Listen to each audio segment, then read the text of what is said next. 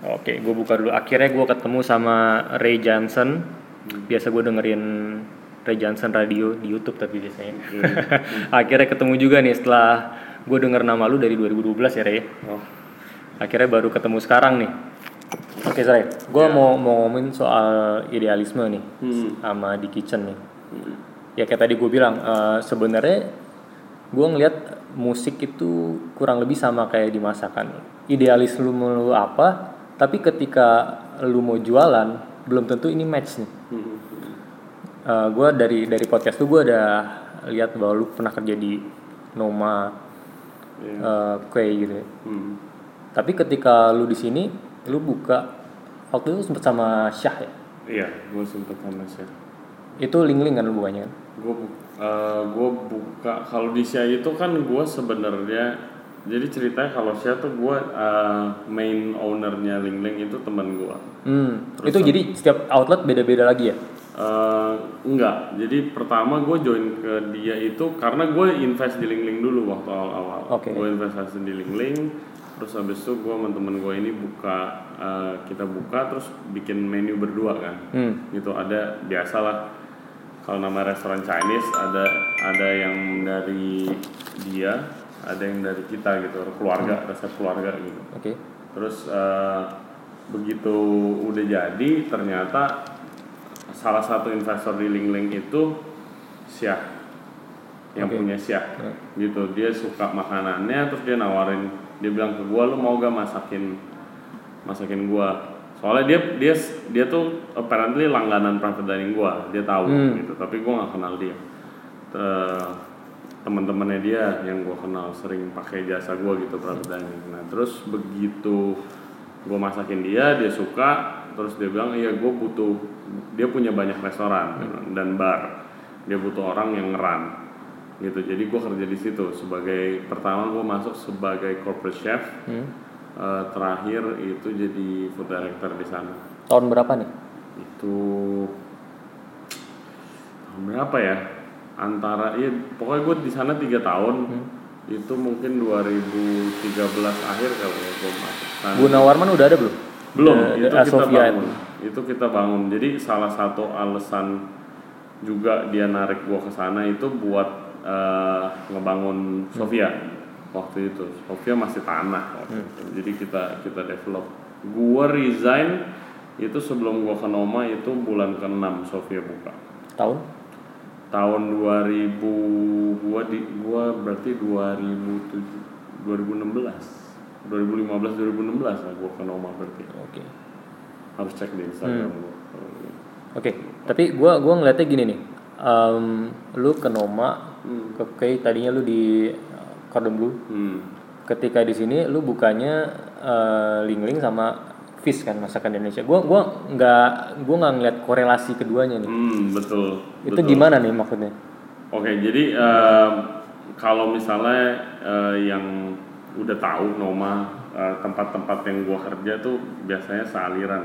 Hmm. Eh, gue demen pertama gue dididik untuk karir masak gue gue dididik di Eropa di Paris itu klasik banget Eh, terus habis itu gue masak makanan Prancis gue do private dining terus gue kerja juga di tempat yang filosofi makannya gue suka kayak Noma itu makanan lokal. Terus habis itu kalau di sana ya makanannya itu style karena di kalau di Denmark sendiri itu enam bulan dalam setahun itu winter jadi mereka nggak ada sayur.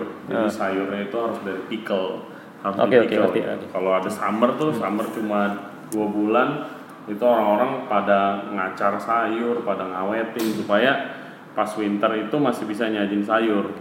Soalnya kalau di Denmark itu pas winter sayurnya tuh impor. Sayur sayur sayuran impor kayak sawi gitu segala macam bukan sayur asli sana. Makanya mereka perlu gitu. Nah gue suka yang kayak gituan. Eh, tapi untuk di sini gue rasa karena pertama gue di Jakarta mungkin kalau di Bali beda ya. Hmm. gitu kalau karena gue tinggal di Jakarta jadi ya harus pinter-pinter baca market lah gitu. Kalau misalnya lu ujung-ujungnya kan duit kan Hmm. gitu kan. Ujung-ujungnya lu buka restoran itu untuk menghidupi lu dan keluarga lu di masa depan. Jadi yang menurut gua aja belum masuk konsepnya gitu. Jadi gua choose untuk uh, sacrifice idealism dan uh, masak yang lebih cocok ke market lah gitu tapi lu, lu uh, ada ada kayak konflik batin gak sih? Maksudnya gini nih kayak gue gue gitaris gue gue ke Chicago gue main ke bar blues gue belajar blues tapi begitu balik ke Indonesia gue tahu nih marketnya nggak ada blues. Jadi aku ujung-ujungnya gue main pop pop juga gitu. Iya, iya sama aja sih. Lu kayak guru musik gua juga dia jago banget blues apa segala macem, tapi kayak mainnya main pop. Ujung-ujungnya kan Iya, ujungnya main pop gitu. Terus kayak kalau manggung di mana ya lagunya lagu lagu-lagu yang lagi ngetrend top 40 gitu-gitu. Sama juga halnya dengan makanan menurut gua kayak ya passion is one thing gitu kan. Passion is one thing. Eh, ada juga beberapa yang emang kayak chase passionnya dia gitu. Dia lucky enough to be doing that and uh, be successful juga at doing that gitu. Tapi itu diperlukan kayak apa ya banyak kriteria yang harus go right gitu loh. Kalau dia dalam chef eh, dia harus ketemu investor yang percaya banget sama dia terus kayak ini gue punya duit segini gue ada tempat di sini lu terserah mau ngapain aja. Kayak gitu. Nah itu itu jarang banget gitu. Tapi gue ada beberapa temen gue yang ada kayak begitu good for them. Gue jujur belum ketemu yang kayak gitu. Biar ada juga ketemu tapi balik lagi kalau misalnya to make a successful restaurant itu pertama harus cari lokasi yang tepat Ya. gitu kan. Terus kalau lu bilang mau lu mau masak fine dining atau apa segala macam yang gue pelajarin di Eropa di Noma dan segala macam itu lu tempatnya sewanya mahal banget pasti. Nggak mungkin gue bikin makanan contoh gue bikin makanan kayak Noma gue buka di Muara Karang atau di Purindah it, it will not work gitu dari segi bisnis aja gitu kan. Itu harus ada di Jakarta Selatan yang bagus atau segala macam nah itu hal-hal itu aja yang bikin eh, nggak ketemu dan gue ketemunya juga orang yang kayak oke kita mau bikin ini ini. Gue lihat market tapi gue juga nggak 100% meninggalkan idealism gue gitu kan. Ya itu masakan yang tipe begitu emang gue suka tapi gue juga suka gue gue suka banget belajar makanan Indonesia gitu loh. Dan itu salah satu proyek gue waktu gue balik dari Paris gue langsung coba belajar makanan Indonesia di sini ya sampai akhirnya gue masak makanan Indonesia maksudnya punya restoran Indonesia fish Oke, fish itu bisa lu ga- eh, kasih gambaran nggak secara garis besar Indonesia kan luas nih ya. hmm. Maksudnya makanan apakah itu? Apakah Padang, Jawa atau apa? Eh, kalau makanan itu kita restoran kita bilangnya modern comfort Indonesia gitu kita bilangnya nah ada kita nggak terpaku untuk makanannya makanan ini restoran restoran Jawa ini restoran Sunda atau apa segala macam. Tapi yang penting kita Indonesia gitu loh. Oke. di situ kita ada ayam pop terus saja dengan modern cara modern. Eh, ayam pop kan Padang gitu. Terus habis itu kita juga ada belado. Ya balado di mana-mana ada. Kita ada Brennebon juga. Waktu itu kita ada oxtail orang bikin oxtail sup biasa sop buntut kita bikin oxtail Brennebon nah Brennebon ini sup merah yang dari Manado gitu ya. Sup kacang merah dari Manado. Jadi campur-campur gitu loh. Triknya kalau restoran kayak begitu ya make sure harus balance aja gitu semua. Tapi begitu lu bikin fish ini lu eh, referensinya apa sih? referensinya jadi oke lu pasti ada restoran modelnya kan yang ini kayaknya gua arahnya ke sini nih. Eh, Oke, kalau misalnya fish itu awalnya tempat itu tadinya temen gue mau buka restoran brunch. Hmm? Temen gue mau buka restoran brunch, terus ada ada chef lain yang ngerjain restoran brunch, terus nggak jadi buka gitu. Jadi tempat itu ditawarkan ke grup kita lah kalau fish Oke. tadinya gitu. Terus eh, waktu itu sewanya udah jalan tuh gue inget. Jadi kayak kita harus cepet-cepet ny- nyari konsep gitu kan, nyari konsep mau apa segala macam dan kebetulan pada waktu itu eh, kita ngelihatnya itu oke ini makanan Asia sama makanan Indonesia yang modern dan yang disajikan dengan konsep lifestyle gitu. Ini mungkin akan in nextnya gitu dari baca. Contoh kayak waktu itu kaum juga lagi mau dibangun. Ya. kaum Jadi lu duluan lu sebenarnya daripada kaum. Enggak, dulu, duluan kaum. Oh, duluan kaum, oke. Duluan kaum. Terus habis itu ada apa? hmm, juga Gioi itu lagi meledak-meledaknya tuh lagi rame-ramenya terus temen gue bikin apa daun mudo gitu segala macam ah, ya udah kita bikin kayak Indonesia aja kalau gitu dengan dengan juga pas gue emang lagi masak makanan Indo banget pada waktu itu kan. Jadi kayak oke tapi kita harus bedain nih gimana gitu. Kalau contoh Gioi itu dia bukan makanan Indonesia tapi makanan Asian food semuanya ada. Dari ada Japanese touchnya ada Thailandnya Vietnamese semua ada. Gitu daun mudo target marketnya lebih ke eh, orang-orang lebih tua lebih mature. Gitu terus kaum orang-orang bisnis. Marketnya A mungkin A plus gitu karena harganya segala macam Eh, jadi kita ngambil yang market anak mudanya gitu dan keluarga jadi kalau kalau visi terbentuknya dari situ Oke, tapi dari lu kan dari pengalaman lu macam-macam kerja di restoran lain itu ada yang lu terapin nggak sih di di Vis? apa bener-bener lu tinggalin semua bener-bener pakai teknik Indonesia? Oke, kalau misalnya pengalaman sebenarnya pengalaman itu lebih ke cara masak di dapur sih, how you operate a kitchen. Manajemennya atau Iya, gimana? manajemennya, cleanlinessnya, apanya semuanya gitu. Dan eh, ada beberapa hal yang harus ditinggalin di luar. Contoh kayak wah, kalau di Eropa tuh sangat common kayak kekerasan di dapur itu udah biasa banget gitu kan. Nah, kalau di sini kan enggak. Eh, itu harus Ke- ditinggalin. kekerasan dalam apa nih wujudnya nih? Iya, pertama kalau dimaki-maki mah itu udah biasa banget lah, gitu kan dimaki-maki. Kalau misalnya di dapur orang yang kerja di dapur yang yang dengerin ini juga pasti udah tahu kalau maki-maki mah udah biasa gitu kan. Tapi kalau di Eropa itu bisa kayak gua, kalau contohnya gua gua digampar panci, ditimpuk, gitu. Itu kayak udah biasa gitu loh, lempar piring, chefnya pecahin-pecahin piring gitu loh. Karena ya itu emang budaya mereka gitu. Restoran di Eropa tuh chefnya kalau udah jago dikit tuh dia dikasih duit udah terserah mau ngapain dia nggak peduli tuh piring harga berapa dipecah-pecahin. Kalau chef di sini gua deh banting-banting piring pasti investor gua langsung mau ketemu gua besok. Ya kayak Iya, gitu iya, lah. Nah terus eh, itu harus ditinggalin. Tapi kalau misalnya eh, yang belajar gua di luar negeri itu pertama disiplin eh, kedua itu hygiene. Hygiene hygiene levelnya sayangnya masih beda jauh banget sih gitu. Dua itu kayaknya susah banget nih buat di Indonesia. Disiplin Susah. sama hygiene. Iya itu tergantung kayak company culture-nya harus ngebangun sendiri gitu kan. Terus juga kalau misalnya teknik masak, gua rasa eh, sebenarnya teknik masak itu mau masakan negara mana aja sih sama sebenarnya. Kayak lu nyara cari ikan yang bagus, cari daging yang bagus, daging yang seger, itu sama caranya. Mungkin kalau bedanya itu beda di resep dan bumbu. Kayak gitu sih kalau makan di Indonesia. Oke, gue mau nanya pendapat lu tentang apa ya scene scene dining di Jakarta belakangan ini nih. Belakangan ini sebelum corona bagaimana? Eh, sebelum corona. oh, jadi sebelum corona. Karena eh, ada beberapa grup yang sukses di Bali nggak sukses di sini. Heeh. Terus ada kemarin tahun lalu tuh gue sedih eh, Emily tutup ya. Iya. Akhirnya. Tutup akhirnya dia. Apa ya banyak restoran-restoran yang menurut gue bagus, Hmm. tapi kok kayaknya nggak diterima masyarakat di sini.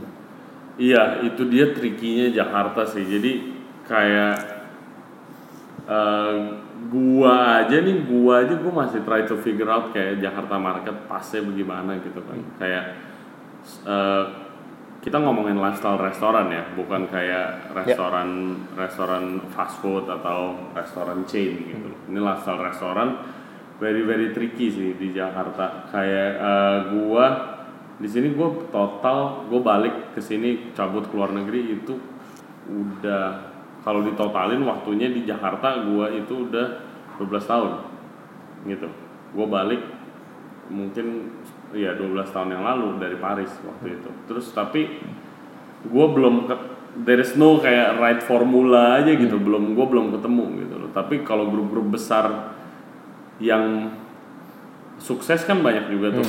Kayak eh, contoh ya kayak Union Group semuanya gitu.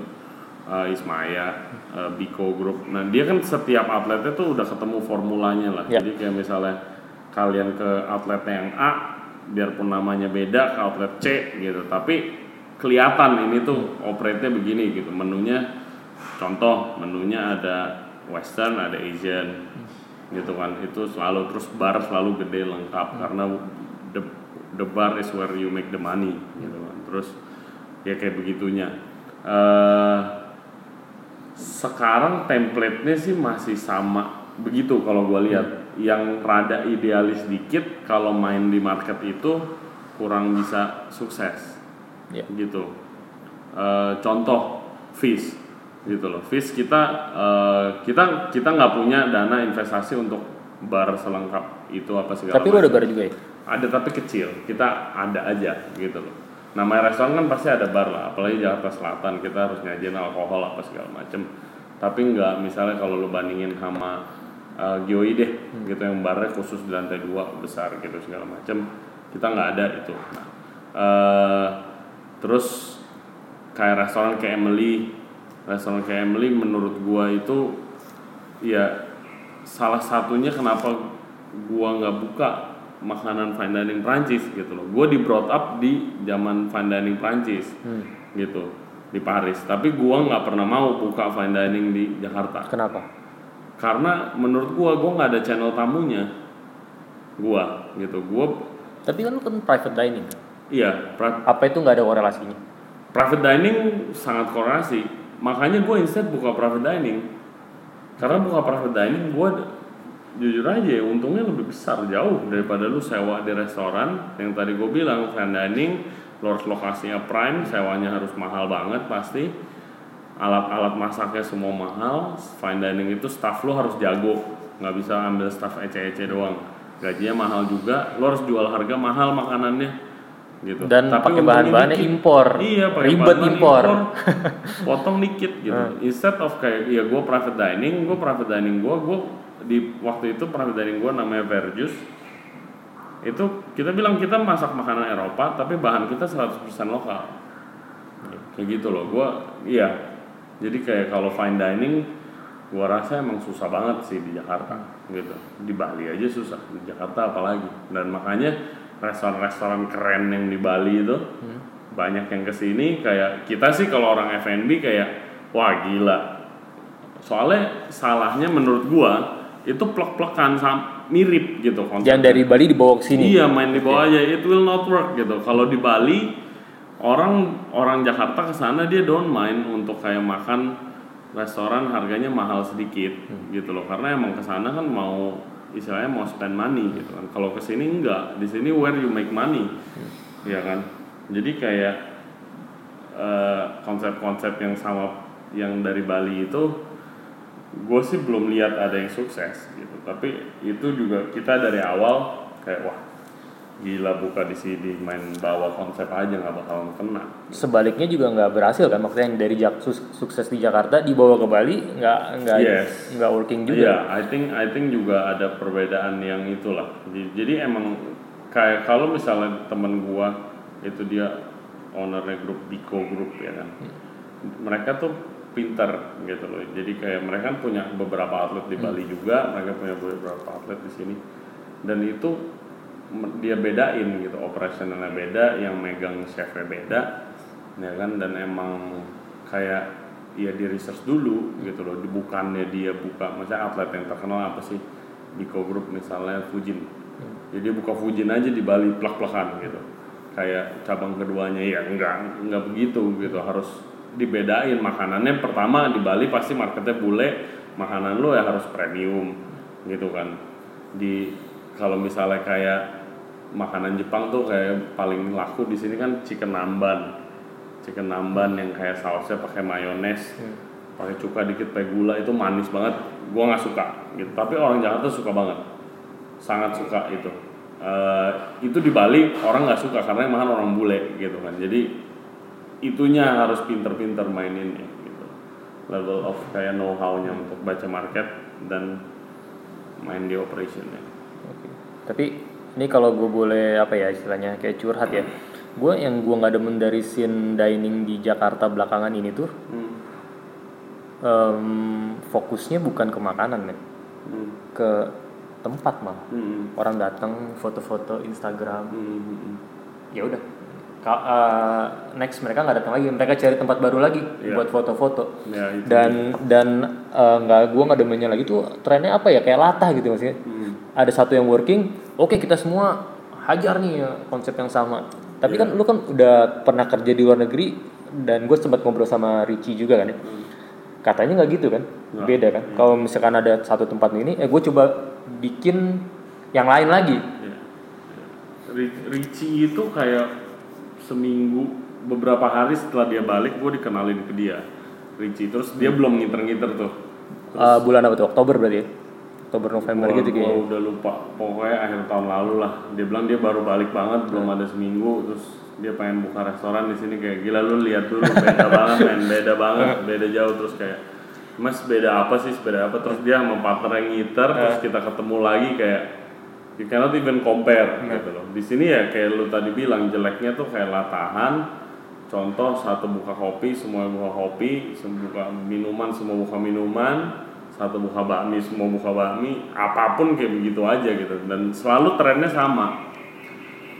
Semuanya buka bareng-bareng nah nanti yang kesisa ya yang pertama atau enggak yang kedua yang ketiga buka. Yang sisa itu doang sisanya pasti hancur lagi semuanya. Kayak kita udah lewatin apa tahun kemarin malah hotpot. Hmm. semua buka malah hotpot gara-gara suku yang sukses gitu kan. Tapi yang begituan itu mestinya mestinya nanti akan eh, sadar sendiri kalau itu tuh nggak healthy. Gitu restoran bukan sesuatu yang bisa segampang itu aja gitu. Restoran sangat-sangat bisnis yang sangat eh, apa ya cruel pertama dan sangat susah gitu. Make sure passionate passionate dan itu dan kayak punya dedikasi yang pas. Karena kalau mau kaya terus karena nyari duit mau kaya terus buka restoran satu sukses segala macam ya nggak mungkin gitu. Itu jadi banker aja. Gitu atau main bitcoin gitu. Kalau misalnya mau buka restoran itu pasti harus ada orang yang passionate di dalam. Kalau misalnya punya uang ya bahaya orang passionate nya gitu. Tapi kan masalahnya uh, yang gue tahu nih investor-investor restoran bukan orang F&B nih. Iya, dan keba- mayoritas sayangnya itu ya passion, passion, passion, passion makan, passion makan itu good.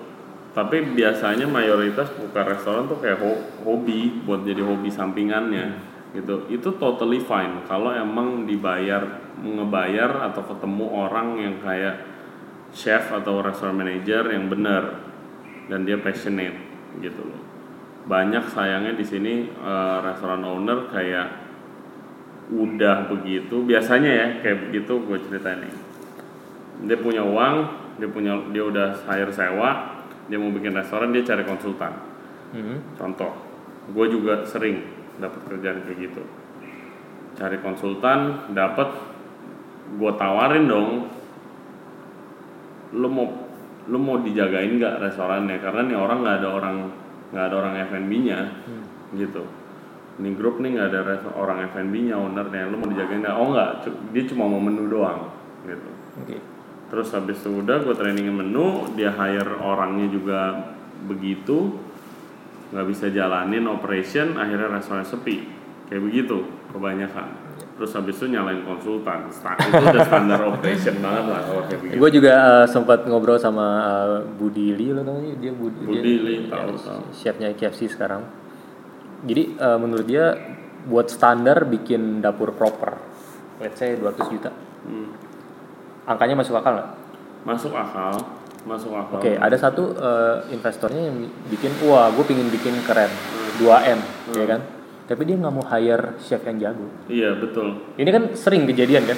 sangat sering jadi kayak eh, dengan ya ini gua gua juga masih belajar jadi restauranter dan jadi chef yang baik gitu ya Eh, tapi setelah pengalaman gue ini yang paling yang lebih penting dari alat-alat dan dapur segala macam itu adalah orangnya the right people. Kayak the right people where can get your company culture itu paling itu salah satu yang paling penting deh.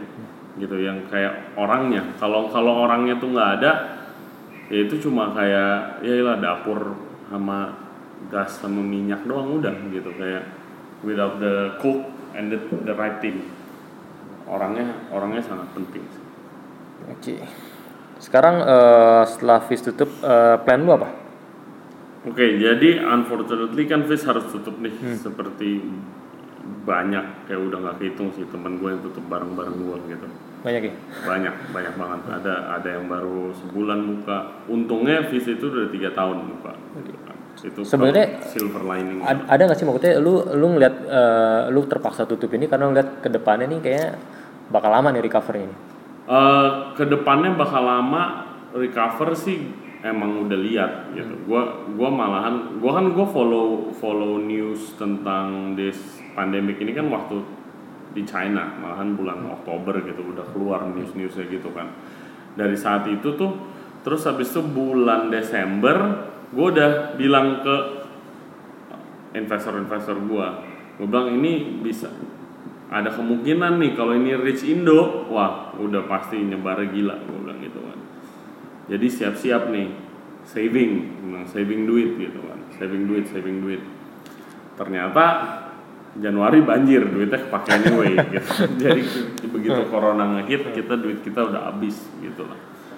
Duit yang ada di di bisnisnya. Terus eh untuk ke depannya sih gue yakin ini bakal beda jauh banget sih Eh, kayak bukan di Jakarta aja dan di Indonesia tapi the whole F&B business ini lagi experiencing kayak revolution gitu Eh, yang paling parah kena menurut gue bar itu bakal Yang banget sih. semua bersifat lifestyle lah ya. Iya.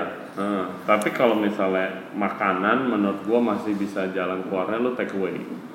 Bar lu nggak bisa. Bar itu khususnya bar di Jakarta itu sangat tergantung sama tempat, sama atmosfer, sama experience. Ya Bar. Gitu. jatuhnya pariwisata sebenarnya Iya. kan mereka. Sektornya. dan eh, ini sangat tough sih buat semuanya gitu. Teman gua ada yang baru sebulan buka udah tutup, ada yang baru dua bulan buka udah tutup.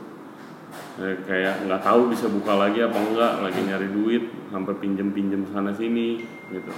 Ya masih susah bang, masih susah banget sih. Biarpun sekarang udah dibuka, Eh, sekarang yang paling rame dan menurut gua ke depannya bagus itu adalah produk yang eh, bisa digojekin gitu atau delivery friendly lah seenggaknya. Ready Kayak- to cook, ready to eat. Iya, dan eh, itu itu sih yang paling bagus sih. Atau juga kayak ya bisnis misalnya buka toko jualan sambal atau jualan saus atau jualan butter tuh sekarang banyak yang kayak gitu sih. Kalau untuk restoran lifestyle, I don't think it's a good idea to invest and open a restaurant sekarang.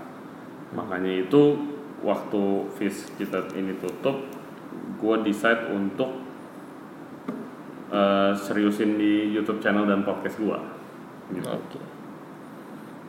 Tapi eh, lu ada planning buka restoran lagi atau? Planning, I'm sure, I'm sure kayak sooner or later pasti gue buka restoran lagi sih. Itu itu pastilah. Gitu. Belum belum kelar nih gitu kan. Kayak gue juga nggak mau gara-gara corona terus restoran gue tutup terus udah gue nggak buka-buka lagi. Nggak mau, gue gue masih masih Cuma formatnya lu udah ketemu atau? formatnya kayak konsep mah banyak banget nih di laptop. Kayak gua gua kalau misalnya iseng-iseng terus, terus kalau kepikiran selalu kayak gue bikin bikin konsep kayak gimana gitu. Tapi yang dari kemarin gua pengen itu gua buka restoran seafood gua pengen banget. Jadi ceritanya itu restoran di atas fish itu ini restoran eh, salah satu ownernya itu punya kapal pemancingan. Kapal pemancingan terus habis itu kita ngobrol-ngobrol eh, dia bilang dia punya banyak banget ikan yang dia ekspor ke Jepang, ekspor ke Korea, gini gini gini gitu kan. Terus dia pengen make ikan itu di restoran dia dan itu restoran eh, itu ikan ikan Indonesia semua. Di mana? Perairan mana? Seluruh Indo dia. Kapalnya ada banyak. Oh, Dia emang emang kerjaan mainnya itu. Terus dia pengen buka restoran untuk showcasing ikan amazing local seafood.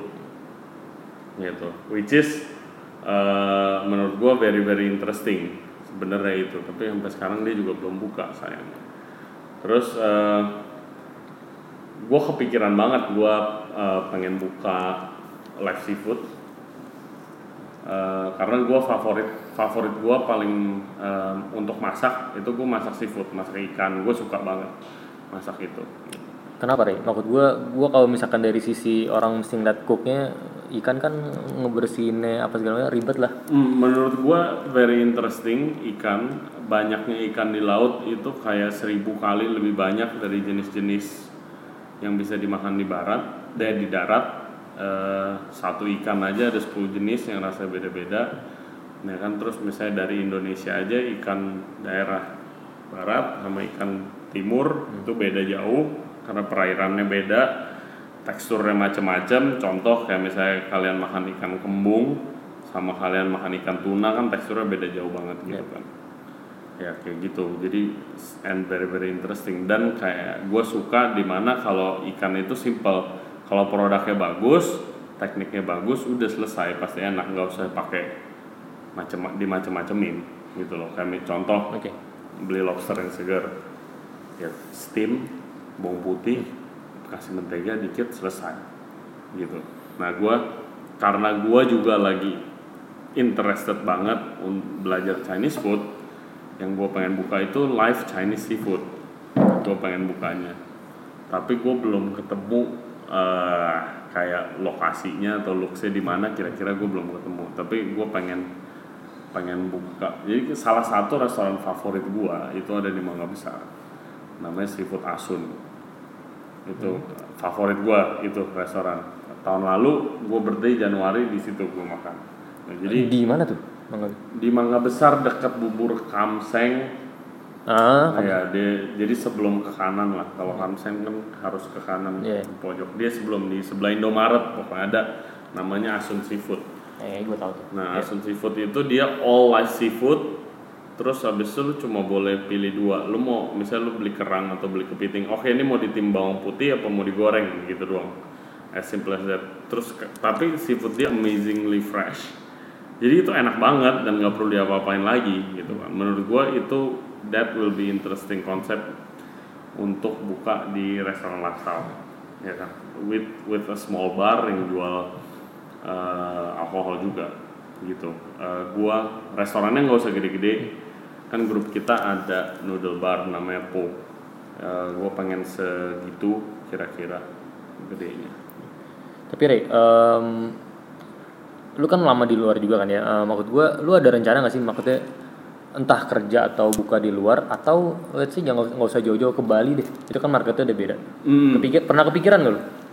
Pernah, pernah, pernah banget dan malahan udah ada beberapa kesempatan untuk kayak buka di luar atau apa. Eh kalau ke Bali offer sih, offer sih lumayan banyak sih dari dulu. Kalau ada di Bali selalu ada aja. Tiap tahun untuk ngajak buka ini gitu segala macam. Tapi menurut gua gue sangat hati-hati banget untuk nyari partner gitu. Dan kayak selalu ada proyek yang di Jakarta yang lagi dijalanin gitu. Jadi kayak waktu kita tahun lalu lah tengah tahun lalu ada yang approach grup kita. Dia approach gua dia bilang dia punya tanah di daerah Jimbaran. Terus kayak mau buka apa aja terserah yang tadi gue bilang tuh. Yang kayaknya mau buka apa aja terserah. Pokoknya ya ini dia udah kontraknya lama lagi 20 tahun gitu. Eh, tapi tanahnya 2 hektar waktu gue lihat ke sana. Mau buka apa?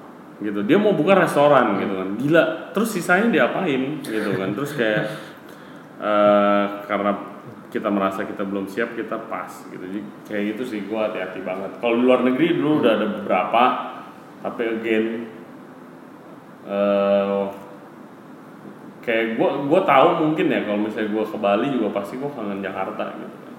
Ya mungkin sooner or later lah eh, bisa. Dan kemarin kan gue ada tanggung jawab di FIS kan. Hmm.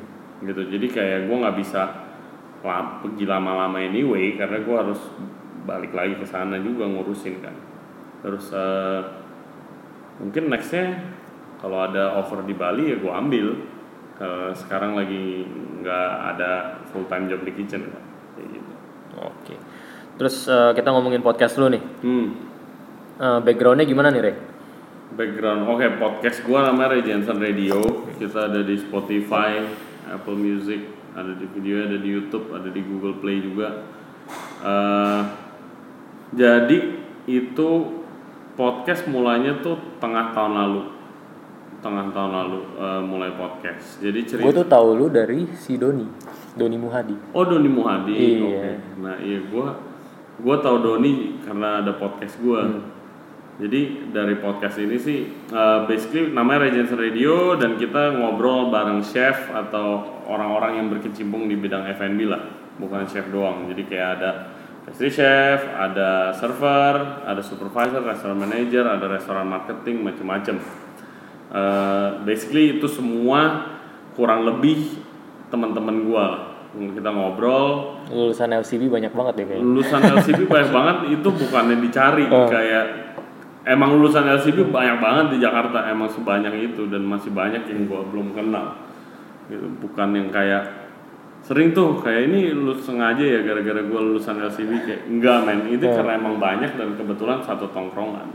Gitu, co- eh, kayak awalnya itu gua sama grup gua lagi eh, duduk di FIS kita lagi ngobrol-ngobrol seperti biasanya.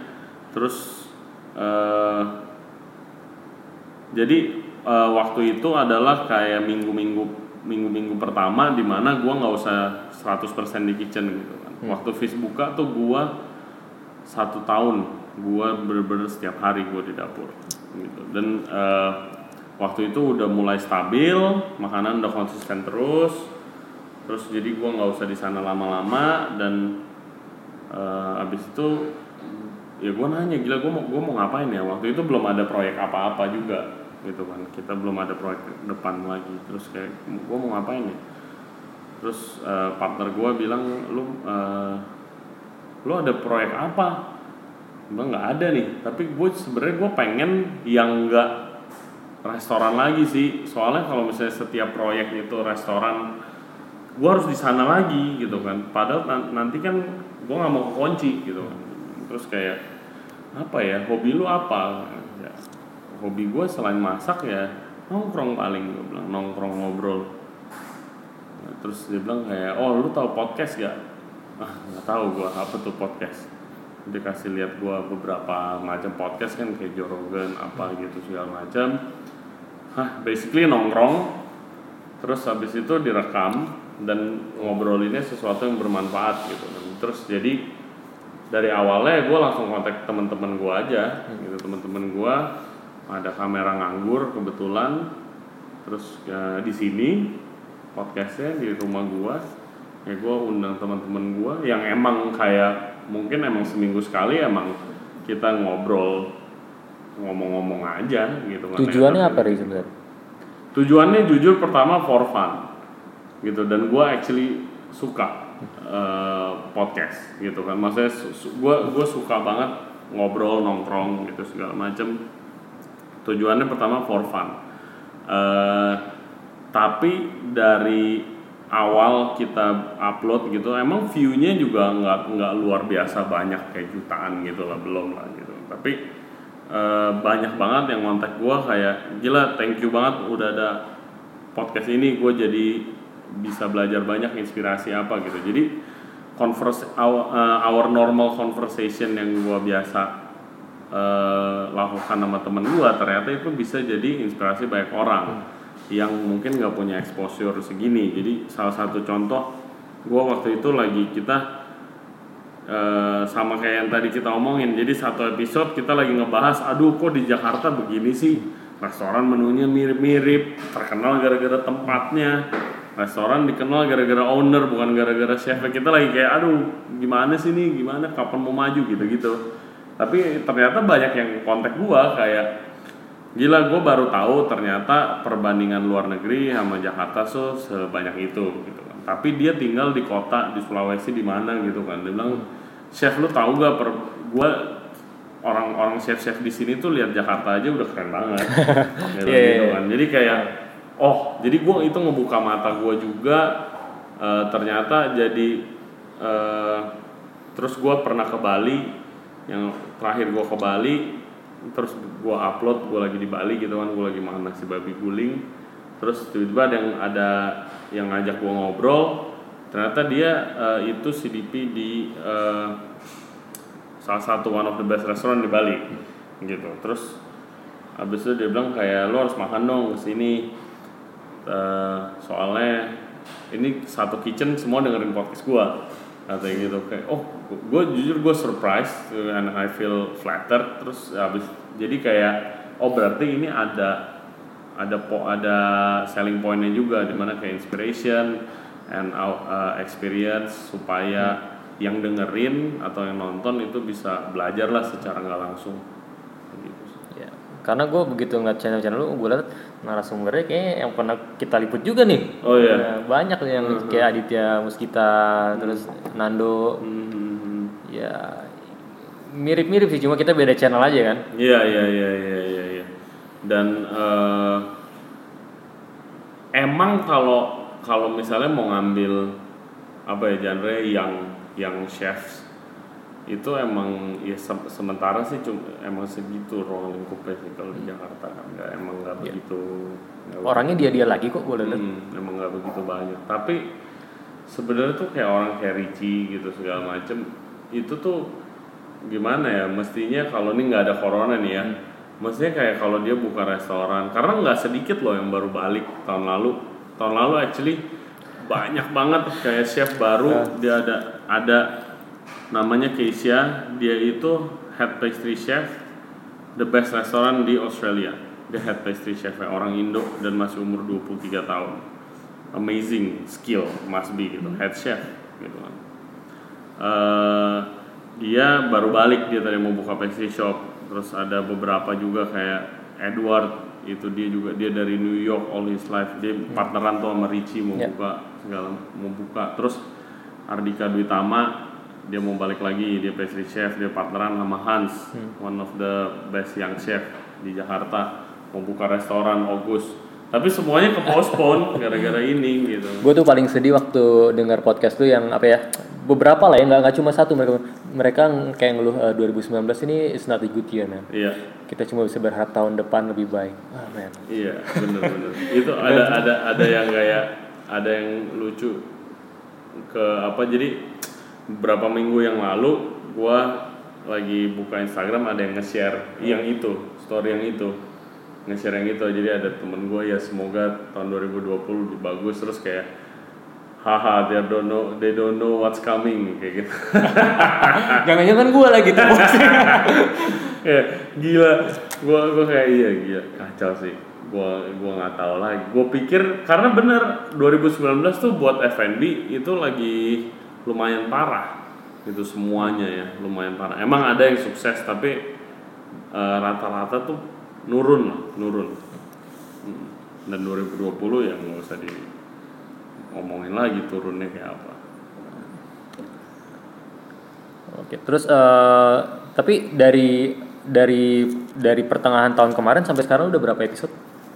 Eh udah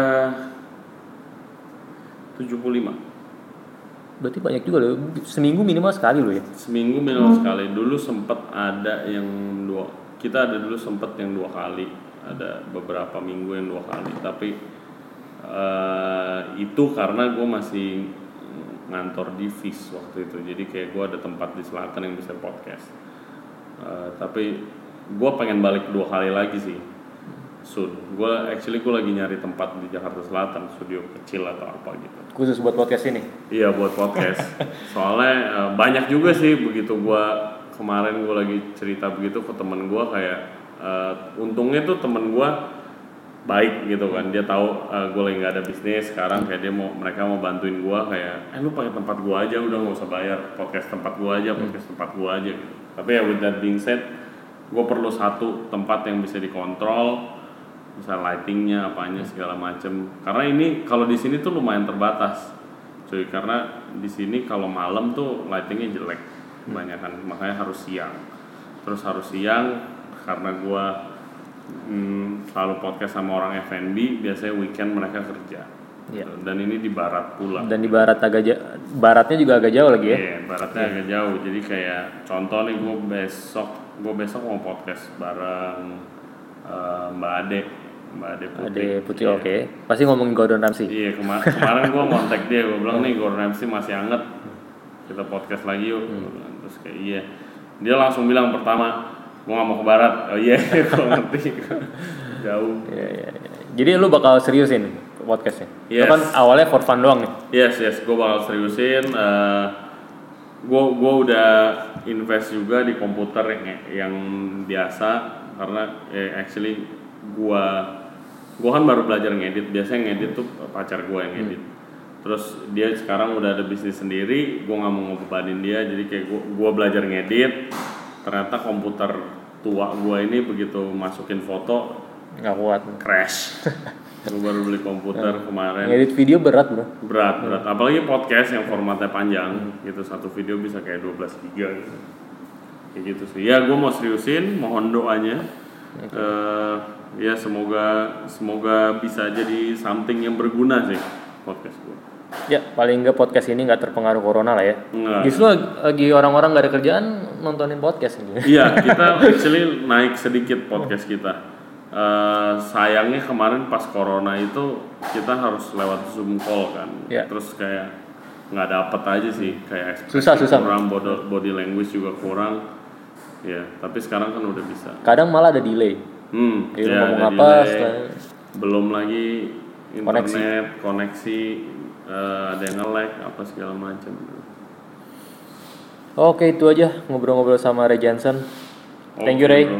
thank you thank you banget Eh, udah kasih kesempatan gue ngobrol Harapan lu buat tahun ini apa nih? Harapan tahun ini apa ya? Harapan tahun ini ya yang dengerin subscribe lah di Regency Radio Podcast. Eh, sama semoga ini cepat berlalu lah semua kalau bisa. It's unlikely tapi kayak kalau bisa kembali ke normal lebih bagus lah buat ini pekerja-pekerja restoran di seluruh Indonesia, seluruh dunia malah. Ya kita semua pasti berharap yang sama. Hmm. Sip. Thank you Ray. Thank you, thank you guys.